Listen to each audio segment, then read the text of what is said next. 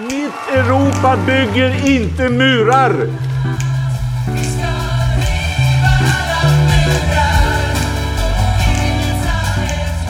Syftet med de åtgärder som vi nu presenterar är att skapa ett andrum för svenskt flyktingmottagande. Mycket av det som regeringen sa igår ställer ju oss vi positiva till och vi tror också att en del av det kan dämpa trycket.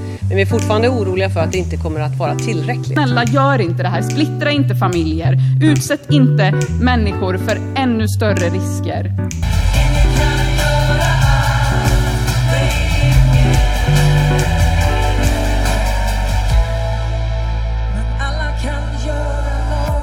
Hej och varmt välkomna till Människor och migration. Podcasten som handlar om migration och om de människor som rör sig över gränser. Jag som pratar nu heter Maja Dahl, och jag är kommunikationsansvarig för Arena Idé som ger ut den här podcasten. Idag så ska vi prata om barn som lever papperslösa i Sverige. Vad innebär det att leva papperslös i Sverige idag och hur mår de barn som gör det? Vilka strategier har de för, för, att hantera sin vardag? Och hur påverkar regeringens nya lagförslag just de här barnen? Med mig för att besvara alla de här frågorna har jag som vanligt statsvetaren och Arena Idés utredningschef Lisa Pelling. Välkommen! Tack så mycket! Och så har vi den stora äran att ha med Henry Ascher här i studion. Henry är docent i barnmedicin och medlem i Svenska barnläkarföreningens arbetsgrupp för flyktingbarn. Och nu i dagarna bara publicerade Henry tillsammans med Åsa Wallström Smith rapporten Bli inte hopplösa. En studie om vardagsstrategier hos barn på flykt i en papperslös situation. Så perfekt timing att få in dig här till studion och välkommen hit Henry. Tack. Innan vi går djupare in på just hur det är för just de här barnen så tänker jag ändå att vi ska liksom ge lite bakgrund till lyssnaren. Vad är det att vara papperslös och hur många barn är det som lever som papperslös idag? Jag kan börja med en försök till definition. En papperslös handlar ju i grunden om att man vistas i Sverige utan att ha laglig rätt att göra det. På svenska använder vi sällan papper om ID-dokument, men det är det det handlar om, att man har inte rätt att vistas i Sverige. Och det kan ju bero på en mängd olika orsaker. Det kan vara så att man har rest in i Sverige på ett turistvisum och sen när turistvisum går ut och efter tre månader så stannar man helt enkelt kvar. Då är man här som papperslös. Man kan ha haft arbetstillstånd i Sverige och inte lyckats förnya arbetstillståndet och välja att stanna kvar. Men de allra flesta papperslösa som vi känner till är personer som har ansökt om asyl i Sverige, alltså ansökt om att få stanna i Sverige på grund av att de har ett skyddsbehov och sen har man fått ett avslag, man kanske har överklagat, fått ytterligare avslag och sen har man fått ett definitivt avvisningsbeslut, det vill säga ett beslut om att man ska lämna Sverige och har då ändå eh, stannat kvar. I eh, Sverige så började den här termen användas eh, på 90-talet och då var det en direkt importering av den franska termen sans papier som man ibland också hör användas, alltså utan, utan dokument. Och där var den rörelsen ganska betydande. Även i Spanien så känner vi till ehm, rörelse för, för papperslösa. Medan det här fenomenet, jag vet inte om du håller med mig Henry, men är, är jämfört med andra europeiska länder någorlunda nytt i, i Sverige och till och med så att man för bara några år sedan kunde bemötas med liksom skepsis och överraskning. Va? Finns det människor som är papperslösa i Sverige? Medan vi ju vet att, att det har existerat eh, ganska länge. Inte minst så tog det lång tid och min erfarenhet för, för den fackliga rörelsen att förstå att det finns många arbetstagare i Sverige som jobbar i Sverige, som får lön i Sverige men som inte har rätt att vistas i Sverige och som alltså är papperslösa eh, arbetare. Mm. Och som vi då hör nu så är det ju flera olika grupper det gäller. Så hur många barn finns det skulle du säga Henry som ändå är expert på de här frågorna? Jag skulle inte vilja ge mig in på en gissning av det egentligen. Det, det, är ju jättesvårt att veta. Vi vet ju hur många vi stöter på, hur många vi träffar till exempel på Rosengrenska, men vi har ingen aning om hur många vi inte träffar eh, och hur många som inte vågar komma dit eller behöver komma dit. Eh, så att eh, jag har ingen aning. Jag brukar hänvisa till polisens siffror som väl bygger på eh, avslagsbeslut som inte är genomförda. Men det, det är också en väldigt grov uppskattning mm. eftersom en del av de som får avslag lämnar landet självmant. Mm. När eh, Rädda Barnen gav ut en, eh, eller förlåt, när Röda Korset gav ut en rapport om papperslöshet förra året, alltså 2015, då hänvisade man till siffror från 2010 som i sin tur är hämtade från Social Rapport och de har en uppskattning på mellan 20 000 och 50 000. Och det säger någonting om att de där siffrorna är egentligen inte användbara. Men det ligger ju också i sakens natur att det är omöjligt att, eh, att veta. Eh, man kan väl eh, liksom lägga till också att det är viktigt kanske att det här begreppet papperslös har blivit etablerad. För i andra länder och tidigare så har man använt begreppet illegal och illegal migrant. Och det ger ju en slags uppfattning om att människor är illegala, att människor är kriminella. Och i, i, i viss mån är det sant att man vistas i Sverige utan tillstånd. Men en människa som människa ska inte göras illegal på det sättet. Så det är bättre tycker jag att använda begreppet papperslös. Mm. Och nu, nu, har vi ändå varit lite inne på, så här, Henry, du har mött dem i vården. Så när du är papperslös i Sverige idag så har du ändå rätt till vissa, de, vissa delar av samhällets tjänster. Va, vad har man rätt till och varför har man rätt till det? Sedan eh, år 2000 så har de flesta papperslösa barn haft rätt till sjukvård och eh, sen 2013 har man också eh, lagstadgat den rätten för alla barn och eh, samtidigt så fick också papperslösa barn lagstadgad rätt till skolgång. Innan dess så var det upp till varje rektor att avgöra eh, detta. Samtidigt 2013 så fick också vuxna rätt till viss vård, vård som inte kan anstå, inte på lika villkor men ändå en, en viss rätt till vård. Anledningen till det här är i stor utsträckning kritik från FN och eh, mänskliga rättighetsorganisationer och kanske också från på, eh, eh, civilsamhället i Sverige i stor utsträckning skulle jag vilja säga.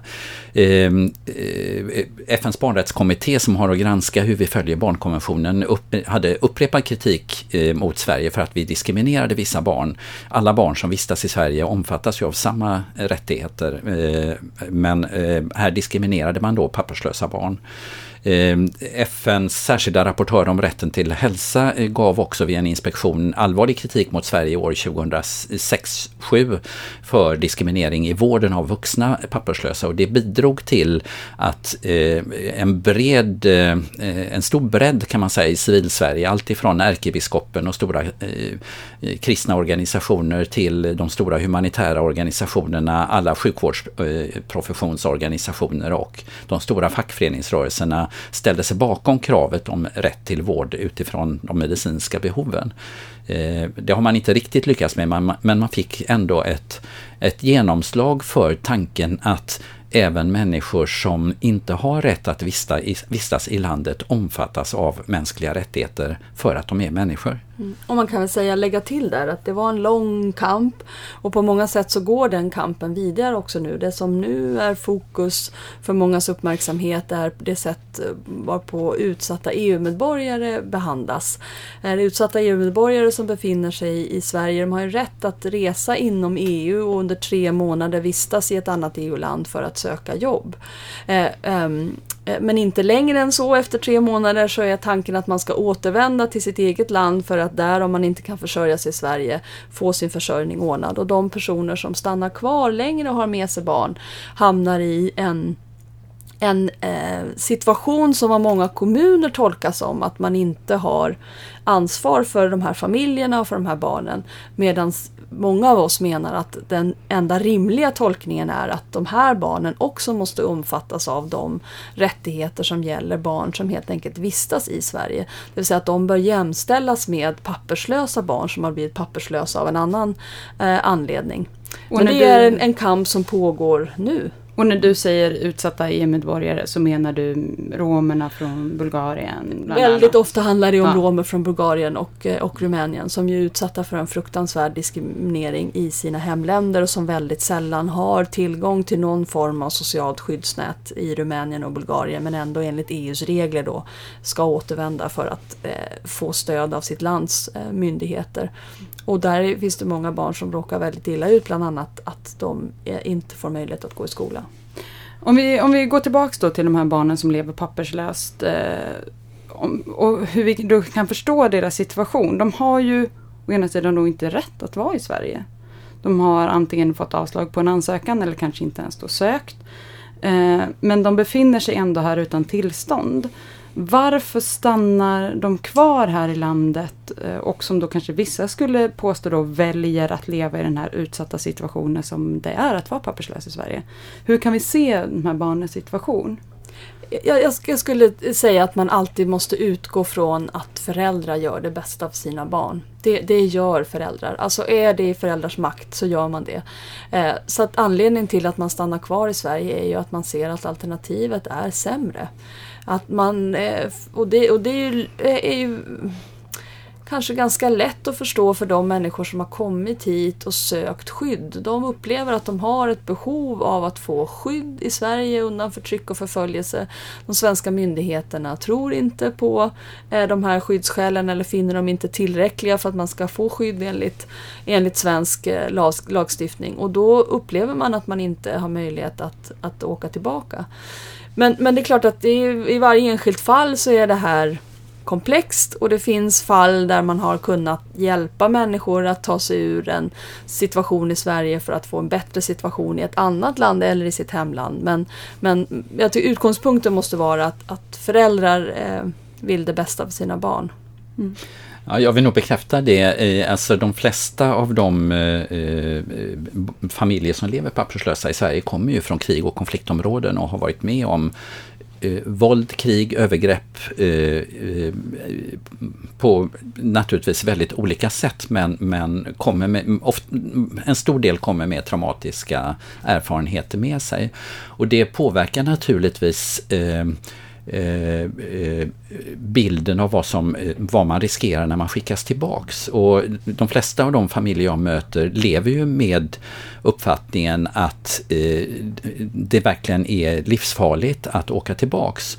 Eh, och utifrån det du säger Lisa, jag tänker väldigt många föräldrar säger också att ja, skulle det bara gälla mig så kunde jag väl åka tillbaka. Så jag, jag kan, då får jag väl ta det. De, de fängslar mig, de kanske torterar mig, de kanske dödar mig. Okej, okay. men jag måste ju tänka på mina barn. Hur ska de överleva? Hur ska de klara sig? Vad ska de utsättas för? Mm. Så att de flesta, skulle jag vilja säga, eh, som håller sig kvar i Sverige gör det därför att de upplever att alternativet är väldigt mycket värre. Och då ska vi veta att det är väldigt, väldigt svårt att leva papperslös i Sverige. Mm. Jag vet att eh, vi har pratat om det tidigare här i podden och jag vet att du nämnde lite grann innan också Henry, just om utifrån hur svårt det är för, som barn att kunna få asyl på grund av egna asylskäl. Precis. Eh, för när du säger det Lisa, att man har fått sina asylskäl prövade så gäller väl det eh, i bästa fall eh, de vuxna.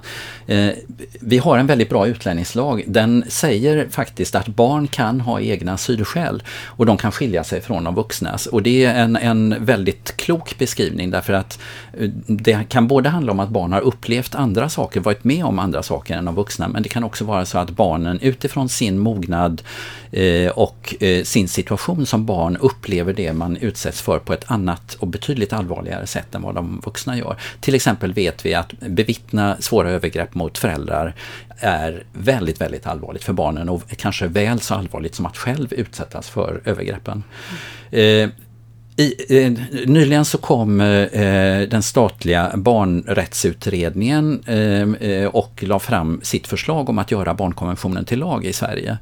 Eh, det är en väldigt bra utredning eh, och eh, det man har gjort är att man bland annat har tittat på fyra olika områden för att se hur tillämpas barnkonventionen i Sverige idag. Och ett av de områdena är barn i asylprocessen där man har låtit forskare på Malmö högskola gå igenom och granska vad händer i själva verket läsningen, och jag rekommenderar verkligen eh, den som är intresserad att läsa utredningen. Den, eh, åtminstone den här delen eh, är lättläst, det är säkert resten också, men, men det här är, är lättläst och intressant men tyvärr ganska skrämmande. För trots att lagen säger att i asylärenden som rör barn så ska barn höras, så är det ovanligt att barn själva hörs. När de hörs så är det väldigt sällan det handlar om deras asylskäl. De frågas till exempel om, eh, går du i skolan, har du några kompisar, hur trivs du i Sverige? Det är inte deras asylskäl. Man frågar inte om asylskälen. Mm. Eh, när man sen fattar beslut så är det väldigt sällan man tar upp barnkonventionen som, eh, och diskuterar eh, eller gör en barnkonsekvensbedömning så som lagen säger att man ska göra. Eh, utlänningslagen säger att barnets bästa ska vägas in i asylbeslutet.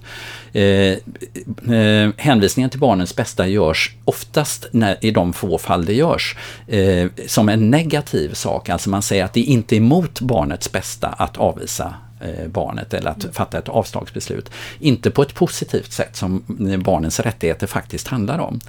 Eh, och det är inte heller så att man gör, när man, i de få fall man gör en barnkonsekvensbedömning ändå, så görs den, visade utredningen, på ett generellt plan. Man diskuterar om allmänna förhållanden men inte så att man väger det här barnet som man fattar beslut om, dess eh, skäl mot an, andra samhällsintressen till exempel som, som man kan göra.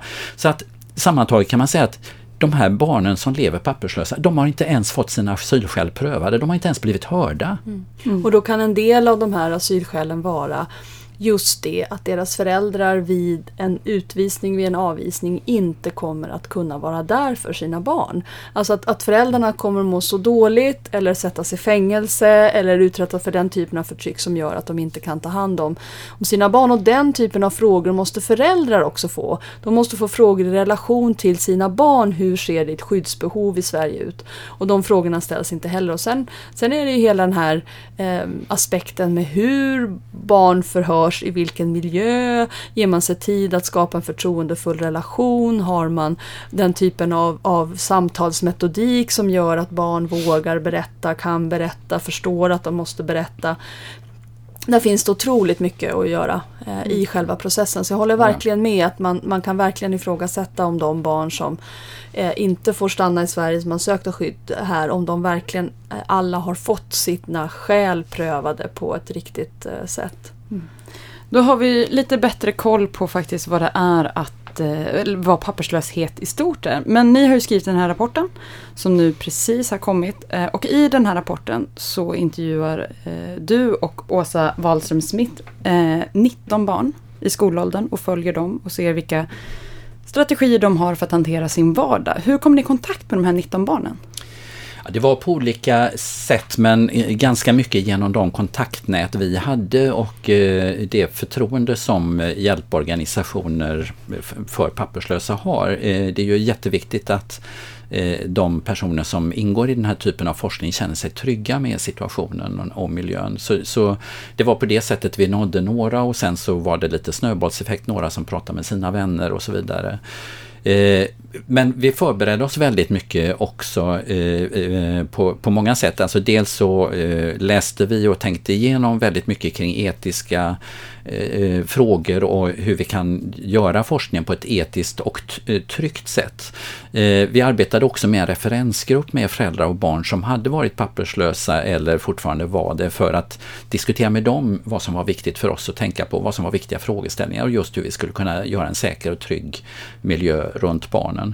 Eh, och det vi gjorde sen eh, var att vi eh, eh, försökte arbeta med metoder som gav barnen en stor möjlighet att styra eh, innehållet i forskningen och vad de ville dela med sig med oss och inte. Alltså vi försökte motverka eh, de makt maktrelationer som lätt uppstår i en forskningssituation mellan vuxen och barn, mellan eh, forskare och den som beforskas, mellan, eh, och särskilt kanske när det gäller en, en utsatt grupp barn som den, den här gruppen av barn är.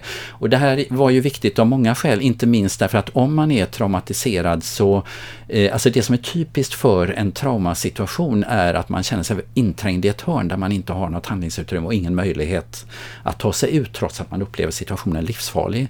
Och då är det ju jätteviktigt att man på alla sätt undviker att eh, forskningssituationen ska påminna om detta. Att vi ställer frågor som man egentligen inte vill beröra eller tänka på men som där man känner att man inte kan ta sig ur dem.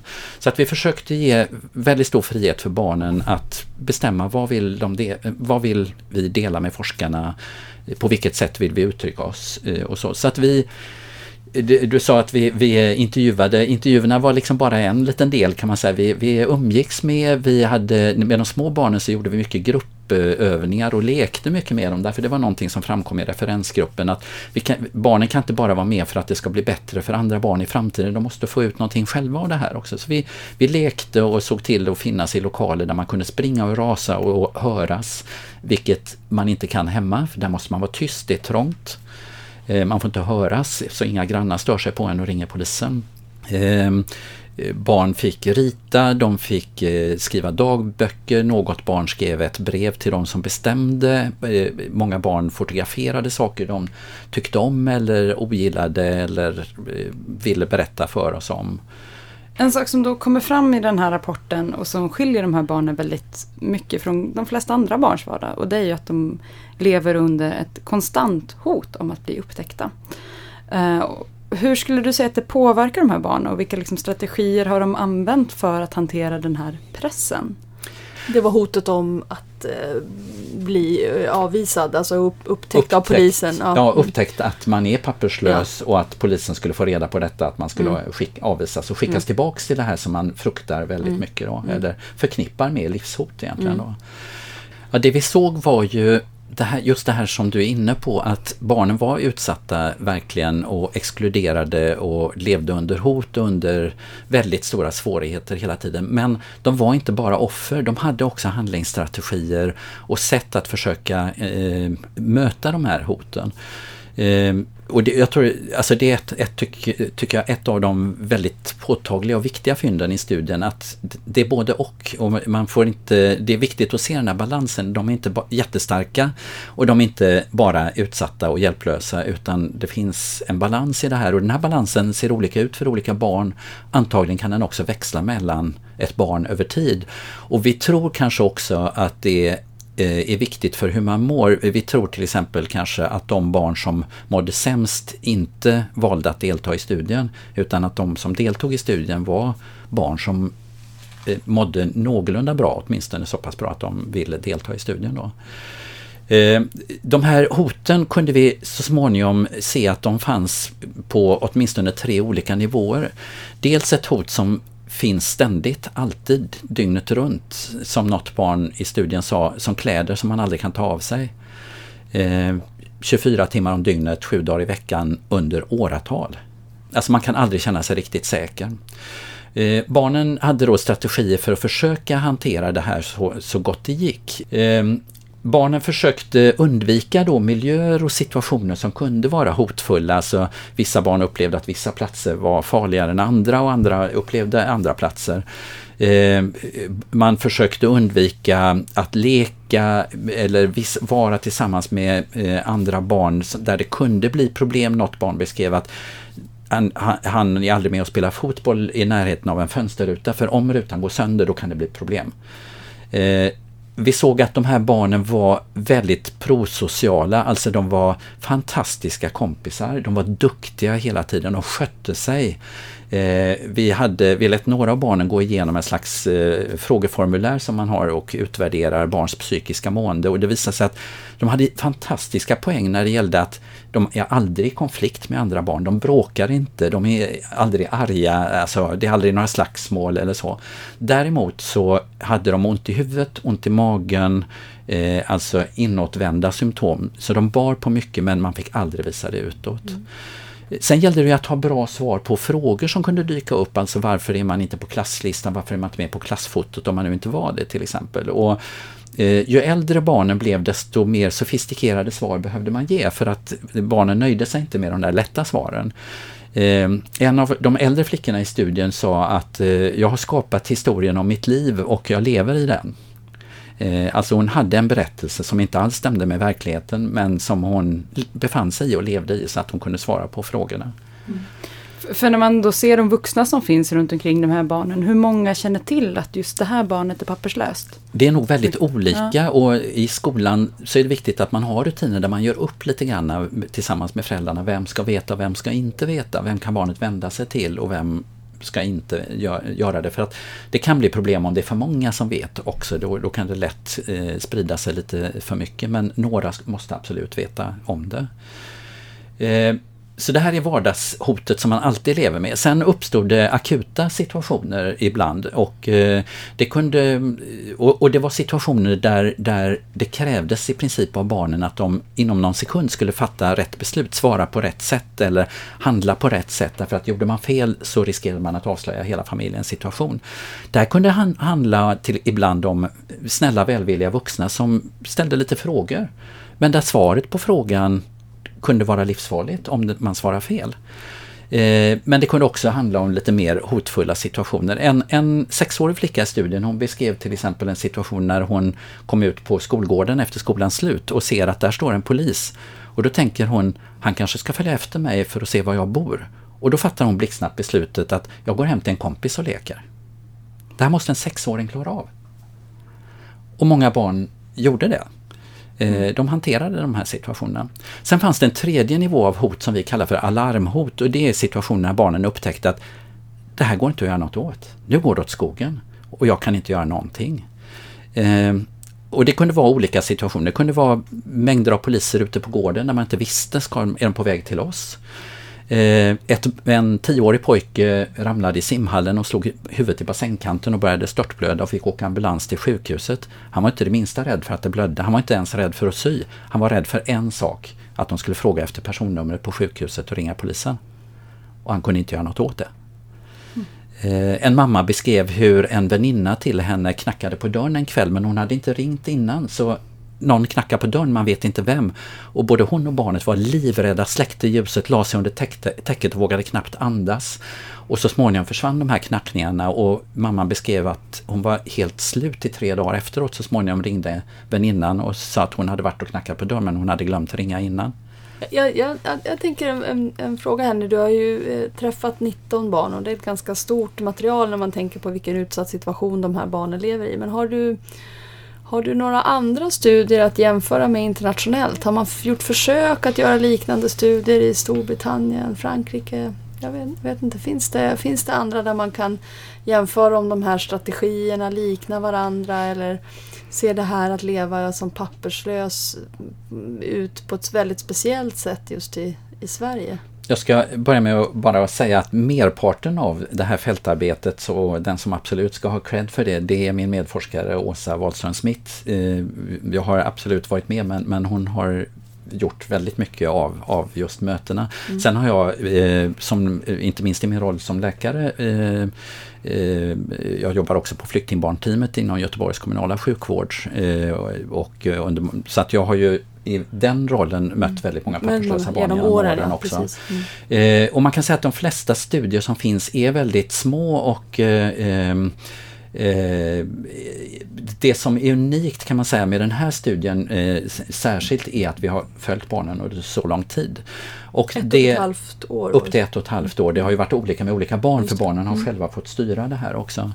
Eh, men det här är unikt och det är faktiskt viktigt därför att det tog ganska lång tid innan vi fick ta del av så väldigt mycket material ifrån barnen. Och, eh, eh, och man kan säga att det finns några lite större studier. Det finns en engelsk studie till exempel där man kommer fram till att eh, barnen genom att de är barn är lite skyddade i sin papperslöshet för de förstår inte riktigt vad som händer mm. omkring dem.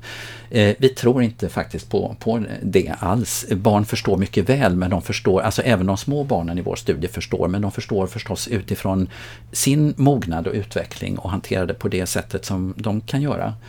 Eh, den studien och många andra studier, där är det så att man antingen har pratat med föräldrarna eller man har eh, pratat en eller två gånger med barnen, oftast då de äldre barnen bara. Eh, anledningen att det tog rätt så lång tid innan vi fick mycket material av barnen har vi funderat mycket kring och en del är säkert att det tog tid för barnen att känna sig trygga med oss. Men vi tror nog också att det kanske är så här att eh, barnen normalt inte tillåter sig riktigt att tänka efter och känna efter och reflektera mm. över sin situation. Därför vi ser i studien att barnen håller tillbaks väldigt mycket sina egna behov och istället tar ett stort ansvar för föräldrarna och övriga familjen. Och de, de vill, alltså några barn berättar att de vill inte eh, önska sig saker som deras kompisar har därför de vet att mamma och pappa inte har råd till det i alla fall och de blir så ledsna när, man, när, man, när de ser att de inte kan ge det som barnen önskar. Eh, så att eh, antagligen är det så att barnen eh, inte tillåter sig att känna efter och vi tror kanske att forskningsprocessen satte igång lite mm. sådana eh, eh me alltså såna mekanismer mm. hos, hos Jag barnen. tänker mig att det ni har lärt er under ett och ett halvt år och du under din, dina yrkesår här också kan vara värdefulla när man försöker utveckla sätt att eh, få barn att komma till tals och verkligen höras i asyl processen också. Det mm. måste handla om liknande mekanismer för att skapa förtroende och, eh, och lyssna på barn på, på det sätt som gör att barn vågar eh, berätta och, och kan berätta. Mm. Mm. Nu ju du inne lite grann på det här men också att det finns en ekonomisk utsatthet för de här barnen. Att ja, de flesta av de här föräldrarna har ju inte då välbetalda jobb och kanske inte kan köpa det de behöver för barnen. Finns det något ekonomiskt stöd till barn som lever så här?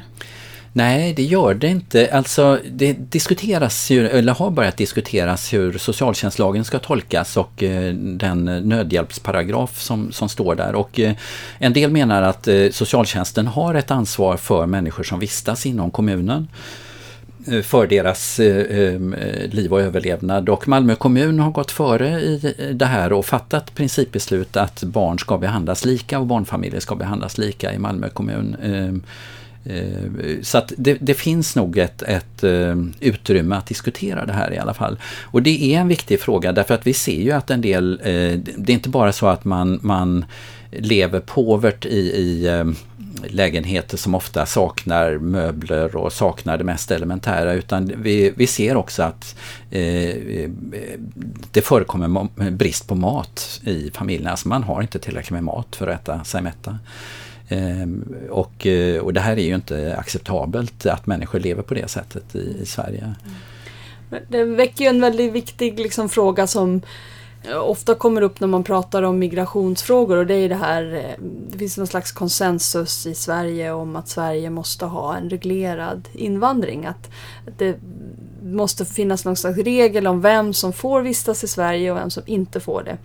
Och man kan tänka sig en situation att även om vi har en perfekt asylprocess där barn får komma till tals, där barns skäl prövas, där barns egna asylskäl eh, prövas så kan det ändå komma till situationer där man får ett beslut om att nej, du har inte rätt att stanna här, du har inte rätt att vistas här. Och då är det viktigt att, att liksom komma ihåg att även om man har en reglerad invandring, även om vi alla är överens om att det är den enda rimliga att ha i dagens värld, så har människor ändå rättigheter. Eh, och de rättigheterna är särskilt starka för barn. Vi, vi har inte rätt att låta barn svälta på svenskt territorium. Vi har inte rätt att låta dem inte få den vård som man behöver. Vi har inte rätt enligt barnkonventionen att vägra barnen möjlighet att gå i skolan. Eh, och, och, det här är liksom alldeles oavsett vilken typ av reglering av invandring som vi, som vi väljer. Och det här är en, eh, det glöms ibland bort. Ibland är det som att folk har uppfattningen om att det här är liksom ett svartvitt system. Antingen får du stanna, då har du allt. Eller så får du inte stanna och då ska du inte ha någonting. Eh, så eh, ser inte verkligheten ut. Så, så komplex är världen att man måste acceptera att även människor som inte har laglig rätt att vistas i Sverige har vissa rättigheter baserat på de konventioner som vi har skrivit under men också baserat på en väldigt stolt svensk tradition av att kommuner har ansvar för de människor som vistas i sitt territorium. Det har ju tillkommit under tider när det var förbjudet att röra sig inom Sverige när, när den som lämnade en husbonde utan tillstånd eh, betraktades som en luffare som egentligen inte skulle få del av sockens eh, eh, fattigvård. Och då, då var man tillräckligt upplyst för att med tiden fatta ett beslut om att nej, det är inte rimligt att man kan skickas från socken till socken och ut på vägarna som tiggare. Man har faktiskt en slags rätt som människa som vistas i, i Sverige till visst. Och sen är det hela tiden diskussion om vilken nivå ska det här ha? Hur mycket kan man tänja på det? Kan man förbättra det? Men det finns vissa grundläggande rättigheter. Mm. Jag tänker bara gå tillbaks lite grann till barnen i studien så kan man säga att många av dem bodde ju i eh, bostadsområden som räknas som ekonomiskt utsatta men även i relation till eh, andra i det området så var de här barnen påtagligt fattiga. Eh, och man la ner rätt mycket möda på att försöka dölja detta just för att inte avslöja sin papperslösa situation helt enkelt. Eh, så det gällde att liksom ha kläder som inte såg allt för dåliga ut och så vidare. Eh, men det här gjorde ju också, eh, eh, och det är en del av den här vardagsrädslan, att barnen naturligtvis inte kan ha, eh, eh, alltså de har svårt att bjuda hem kompisar till exempel därför att det är så påtagligt påvert hemma. Man kanske sover på en madrass, det finns inga möbler, man har inte liksom de saker som, som barn i den åldern har. Eh, och då gällde det att inte bli hembjuden till andra barn för mycket så att man måste bjuda igen. Samtidigt så kan man inte hålla distansen så mycket att man framstår som väldigt avvikande och väldigt konstig heller. Eh, så att det var ett väldigt eh, komplext samspel där som det gällde att balansera på och som de här barnen eh, som det gällde för de här barnen att klara av. Så alltså det ställs väldigt stora krav på de här barnen eh, genom att de tack vare skolan har så mycket sociala kontakter och ibland mer kanske än vad deras föräldrar har. Mm. Det är naturligtvis jättebra att de har det i skolan men det ställer också stora krav på dem. Det är inte okomplicerat med skolgången även mm. om det är jätteviktigt och jättebra att de har den rätten. Jag tänker också att det ställer stora krav på att alla människor som möter barn i barns vardag måste vara medvetna om att det finns barn som lever på det här sättet och som måste tillämpa de här strategierna. Att, att vara medveten om att eh, jag glömde skridskorna. Mm. Eh, inte är jag glömde skridskorna utan mm. jag har inga skridskor. Jag kommer aldrig kunna köpa eller ens låna skridskor av, av, av någon. Och att inte dyka upp på födelsedagskalaset är inte oartighet utan det är att man inte har råd med en present och inte råd att bjuda tillbaka. Och det är ju lite ett av, var ju ett av syftena med studien just att kunna eh, ge råd och stöd och mm. medvetenhet kring människor som eh, arbetar med barn som är papperslö papperslösa eller som man kanske inte vet om de är papperslösa eller inte. Men det här låter ju, nu vet jag att er, er studie tittar ju på strategier idag när man lever i papperslöshet. Men det låter ju som på dig som en, ett evigt balanserande, ett evigt att hela tiden stå på tå och ta massvis med beslut som barn. Kan man säga någonting om hur det här, en sån här period påverkar en person sen när den blir vuxen?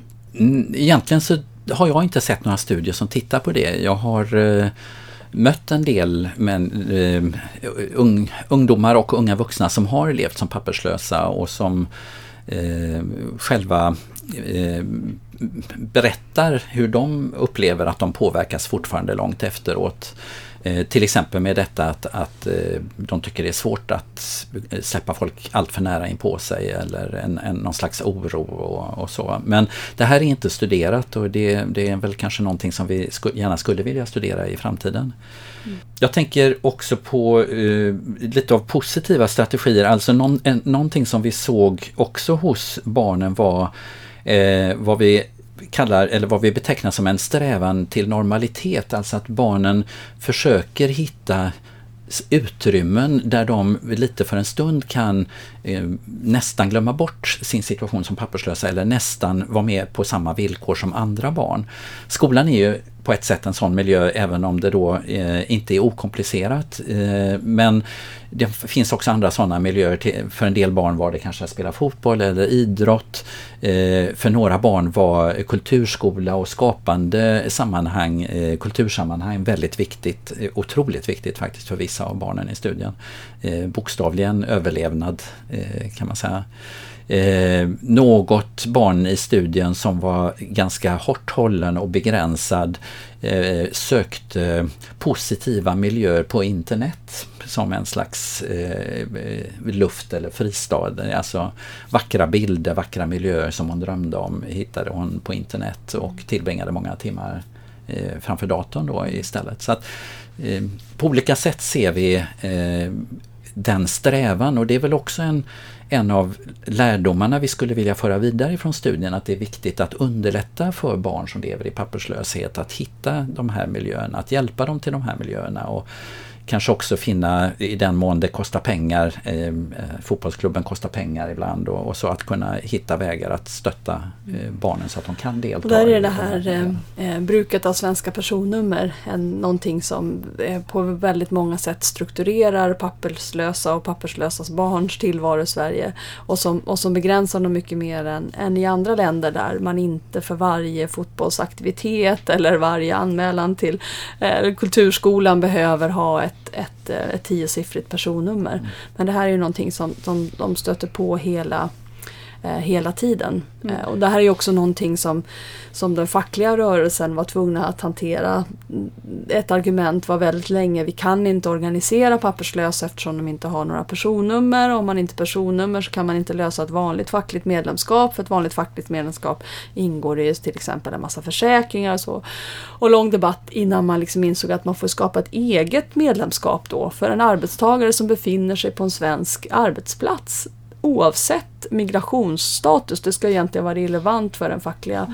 organisationen. Jag tänker mig att många skolor i praktiken har hittat sätt att mm. hantera det och många idrottsföreningar också. Men det har ju tagit eh, tid och på många håll i landet måste man nog fortfarande mm lära sig det. Ett, ett, annat sådant område är det här med bibliotekskort också, som där det länge krävdes personnummer. Jag tror att de flesta ställen, är, eller åtminstone många, på många håll har man avskaffat det och det, det är viktigt att man gör det därför att biblioteket är verkligen en sån fristad också eh, för många barn. Mm. Jag tänker att vi kommer komma tillbaks till vilka strategier vi har för att faktiskt kunna underlätta för de här barnen.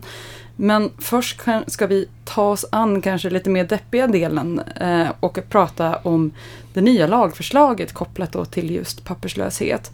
Eh, och innan vi går in på vad det får för konsekvenser för just barn som lever i papperslöshet. Så regeringen har ju nu ändrat lite grann i det här lagförslaget. Eh, och för, för er som inte riktigt vet hur det här lagförslaget ser ut så har vi gjort fyra poddar tror jag nu ja. så ni får jättegärna gå in på människor och migration och lyssna på de andra avsnitten.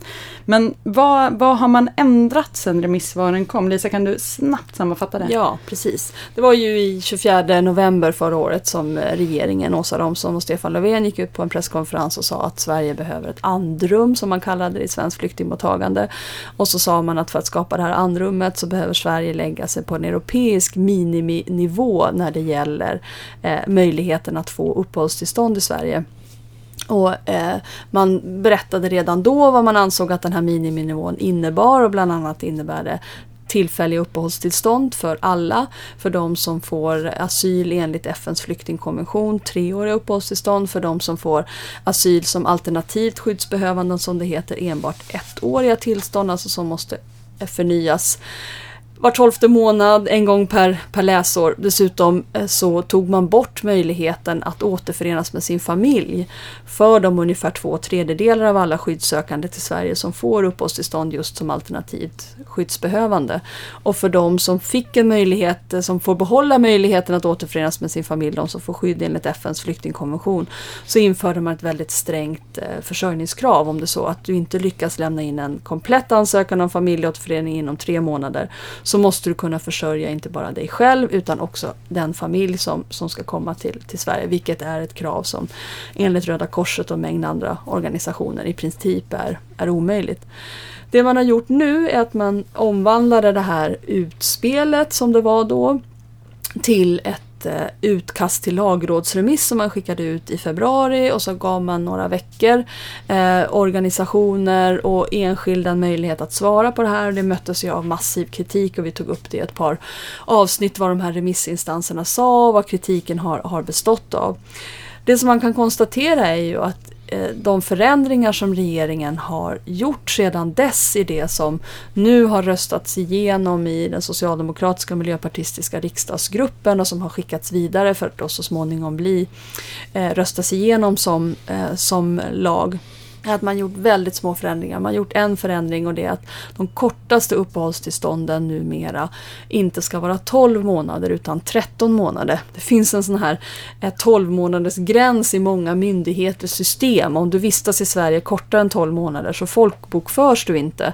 Och det finns en mängd olika rättigheter och system som är kopplat till det här med folkbokföringen så de har liksom förlängt dem med en månad. Ehm, eh, och det löste en del problem men det finns fortfarande fortfarande väldigt, väldigt många problem, framför allt med temporära uppehållstillstånd eh, som inte är lösta, rent administrativa problem. Och så kvarstår ju det här med att du inte får återförenas med din familj för två tredjedelar av de som kommer att få eh, skydd i Sverige. Han gjorde en liten förändring när det gäller, som framför allt kommer att gälla ensamkommande och det var att man eh, ju i det här lagförslaget föreslog att den enda möjligheten att omvandla ett tillfälligt uppehållstillstånd till ett permanent uppehållstillstånd, alltså att verkligen få andas ut i Sverige, känna att man är trygg, att man kan få vara här, var att man skaffar sig ett jobb. Och att det jobbet ger en månadslön som gör att man kommer över gränsen för försörjningsstöd, vilket är på ungefär 13 000. Eh, man insåg att det här skulle göra att ensamkommande flyktingbarn som är 16-17 när de kommer skulle hoppa av gymnasiet och så fort som möjligt skaffa vilket slags jobb som helst för att kunna återförenas med mamma och pappa eh, i Sverige. Och insåg att det här var absurt. Det som man borde ha gjort enligt min mening och mångas mening är att man borde ha sagt att barn i den här situationen borde få möjlighet att få permanent uppehållstillstånd och få den trygghet man behöver för att kunna bygga sig en framtid i Sverige, satsa på gymnasieutbildning, att lära sig svenska och sen så småningom gå ut på, i, i arbetsmarknaden väl rustad för att ta de moderna jobb som skapas i svensk ekonomi. Istället så införde man ett förbud för barn och för eh, unga under 25 år att få ett permanent uppehållstillstånd. Så även om de skaffar sig ett jobb så har de inte möjlighet att ansöka om permanent uppehållstillstånd. Så man gjorde det om möjligt då alltså ännu svårare för barn och ungdomar att återförenas med sin familj i Sverige. Mm. Och det är ju då de förändringar man har gjort nu. Eh, så nu ligger det här förslaget fast. Eh, och ska då man ska se om det går att rösta sig igenom då i riksdagen. Men om vi då tittar tillbaks till våra då barn som lever som papperslösa i Sverige. Vad innebär det här lagförslaget då för just dem? Jag kan lägga, lägga till då, för det, det, två saker som, som hände utöver eh, eh det som jag nämnde nu var att man avskaffade två möjligheter att få skydd. Det har varit möjligt att bevilja uppehållstillstånd eh, i Sverige av särskilt ömmande eller av synnerligen ömmande skäl. Och båda de säga, grunderna för att få uppehållstillstånd har avskaffats med den nya lagen. Eh, och många gånger var det så att personer som hade levt som gömda, som papperslösa i Sverige under ett antal år fick uppehållstillstånd eh, just eh, med hänvisning till att man hade särskilt eller synnerligen ömmande skäl att, att få det. Mm. Så det försvårar ju. Mm. Så man tar alltså bort möjligheten för just de barnen helt nu att kunna få uppehållstillstånd? Ja, alltså man kan väl säga att för de papperslösa barnen de har ju på något sätt redan gått igenom den här processen och, och misslyckats så att säga med att få uppehållstillstånd. Men, men eh, det som ju kommer att hända när man tar bort den här möjligheten är att, att eh, fler kommer att få avslag och fler barn kommer att få avslag. Och eh, Migrationsverket gick nyligen ut och, och, sa att man uppskattar att den nya lagen kommer att leda till 48 000, att 48 000 eh, människor kommer att eh, försvinna. Det vill säga att bli papperslösa. Mm. Ytterligare 48 000 människor. Mm. Eh, och det är naturligtvis en jättestor siffra och väldigt allvarligt och det innebär också att väldigt många flera barn kommer att behöva leva som papperslösa. Dessutom har man gjort en, en, en principiell förändring i det att man tidigare har det varit så att om en person i en familj har skyddsskäl så har resten av familjen också fått en möjlighet att leva med den skyddsbehövande personen i Sverige. Och det, och det här är, är ju eh, enligt många av oss verkligen en del av det det innebär att få skydd. Att du får skydd för dig och för din familj. Att det här möjligheten att få skydd fullständigt urholkas om skyddet bara gäller dig dig som individ och du tvingas lämna kvar din familj, även om familjen inte individuellt är utsatt för förtryck eller, eller eller förföljelse. Och den här situationen kommer ganska många familjer att hamna i. Att en familjemedlem har fått skydd i Sverige men resten av familjen får avslag. Och, och, min gissning är, jag tror inte att den är särskilt vågad, är att väldigt många av dem kommer att välja att leva tillsammans med sin anhörig i Sverige men utan tillstånd, alltså som papperslös. Eh, det, det, det, så tror jag människor kommer att lösa det här att det är eh, vidrigt att leva utan sin familj. Man kan inte återvända och om man inte återvänder så kan man inte leva med sin familj. Ja, då tar man hit familjen och så får familjen leva här utan tillstånd. Det är vad jag tror. Jag vet inte vad du säger Henry om jo, den det är nog eh, mycket möjligt. Jag tänker på två aspekter till också på din fråga. Alltså, eh, man kan säga att eh, vad händer med de som lever i, i papperslöshet? Jo, eh, efter fyra år så preskriberas, alltså fyra år efter sista beslut så preskriberas ärendet och man kan söka asyl på nytt och då prövas ärendet igen, asylskäl och allting. Det som hittills har då varit, eh, inte varit alldeles ovanligt eller den, den, största möjligheten att få ett uppehållstillstånd efter den här preskriptionstiden efter fyra eller, eh, eller för en del barn i studien efter åtta år.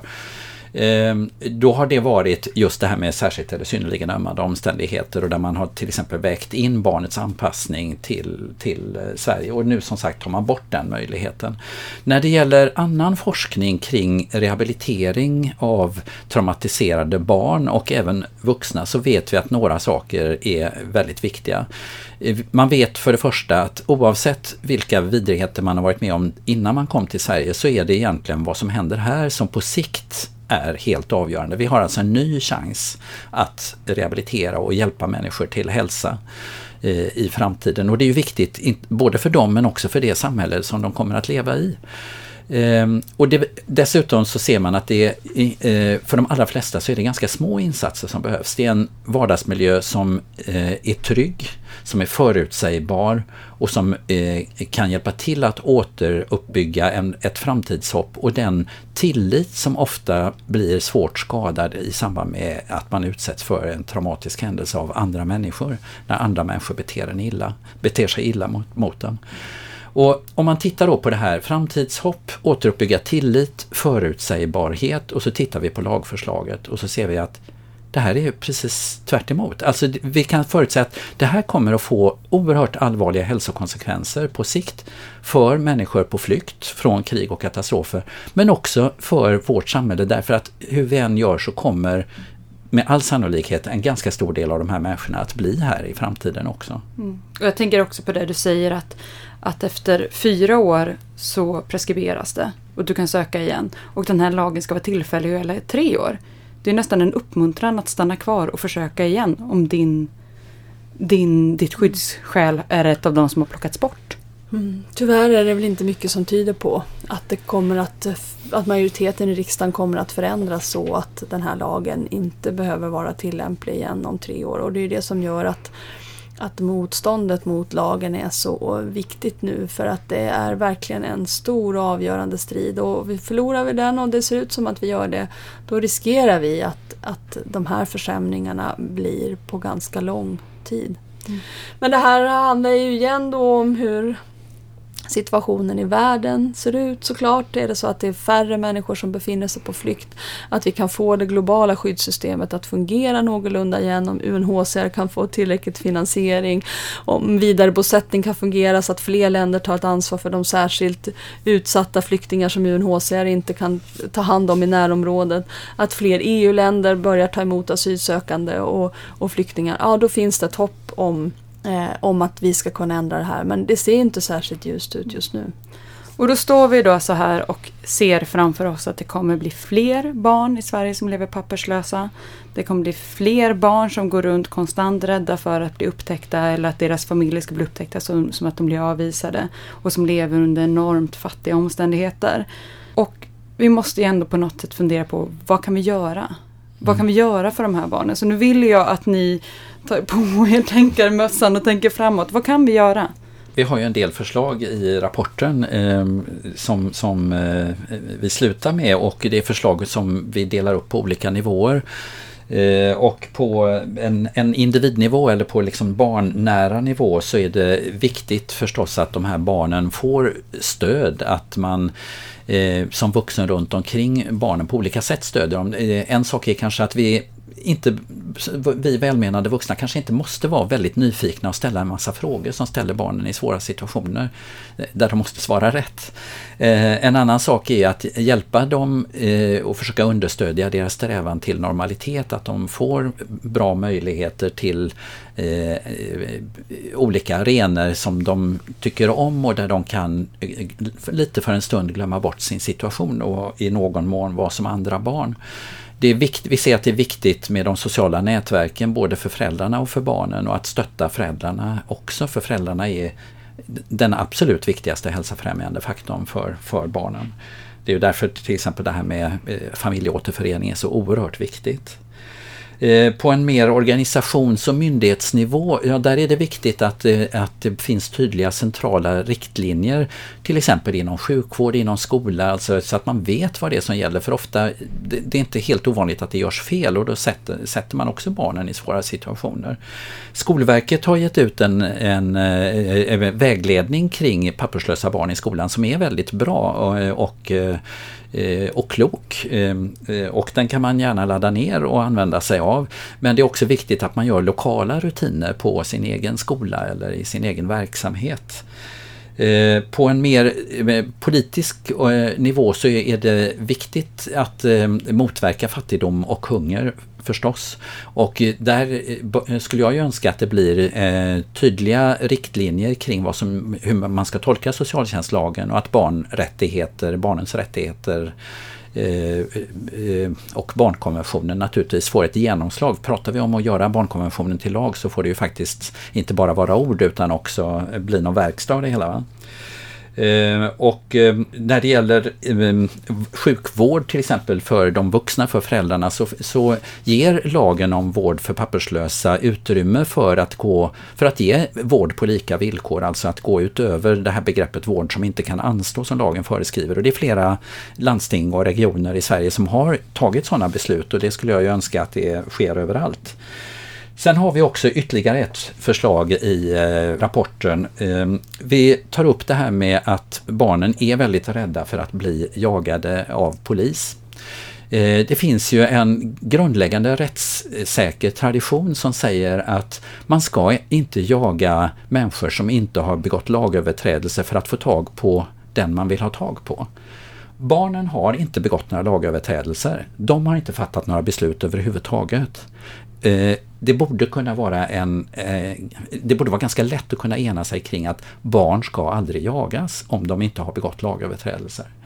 Det skulle innebära en stor lättnad för barnen. De skulle fortfarande vara oroliga för att föräldrarna jagas men det skulle vara en stor lättnad och minska pressen på dem betydligt om de visste att Den här sexåringen polisen... skulle inte behöva ta beslutet, nu går jag hem till en kompis för jag ser att polisen kanske följer efter mig. Nej, mm. precis. Mm. Ja, jag får väl lägga till den, liksom den stora bilden. Jag tänker förutom motståndet mot det här lagförslaget som ju eh, riskerar att kasta ut många, många fler, kanske tusentals fler barn i, i papperslöshet. Så skrev jag idag en text på dagens eh, arena om att Sverige äntligen behöver en egen migrationsminister. Oavsett hur kompetent man, Morgan Johansson än är, att ha den otroligt tunga portföljen att vara justitieminister samtidigt som man har liksom ansvaret för den svenska migrationspolitiken. Det är inte rimligt. Och nu eh, som det ser ut idag så behöver Sverige en migrationsminister som kan turnera världen runt och slåss och liksom kriga för det globala asylsystemet. För vi kommer inte att lösa de här problemen själva i Sverige. Men vi har en otroligt viktig roll att spela globalt. Vi har mycket att vara stolta över. Vi har många modeller som vi kan eh, eh, så att säga visa för andra länder, utveckla tillsammans med andra länder. Och, och, vi har ett momentum i de globala migrations och flyktingfrågorna i världen just nu. När FNs generalförsamling träffas i höst så kommer det vara tillsammans med ett toppmöte om migrationsfrågorna bland annat. Vilket gör att Sverige har en väldigt, väldigt viktig roll att spela. Och Sverige skulle behöva ha en migrationsminister som tog upp den rollen. Mm. Och jag ska ju då säga att det man också kan göra för sig själv det är ju att faktiskt utbilda sig själv om hur de här barnen har det. Och att man då kan börja med att läsa Henrys och eh, Åsa Wallström Smiths rapport om eh, just vardagsstrategier hos de barn eh, som är papperslösa i Sverige idag som heter Bli inte hopplös och vi kommer lägga en länk på hemsidan så att gå in på arenaid.se så hittar ni den där. Med det sagt så har det blivit dags att avsluta dagens avsnitt. Och Tusen tack Henry Ascher för att du tog dig tid att komma hit och berätta om det här för oss. Och tack så hemskt mycket för den forskning som ni genomför. Det här är enormt viktigt att vi känner till sånt här. Så tack. Tack, tack för att jag fick komma. Ja, tack. Nästa avsnitt kommer om två veckor. Eh, så lyssna då. Och om ni vill lyssna på någonting från Arena Idé men inte kan vänta till nästa avsnitt så lyssna gärna på vår syskonpodd Pengar och politik. Eller lyssna på Arena Play där Arena Idé lägger upp inspelningar från våra seminarier. Ni hittar alla de här poddarna både via Soundcloud, iTunes eller den valfria podcastapp som ni väljer att använda. Har ni frågor eller kommentarer på dagens avsnitt kan ni antingen twittra det till oss på arenaidé Eller skriv det på vår Facebook-sida. Sök bara på människor och migration in på Facebook så hittar ni oss där.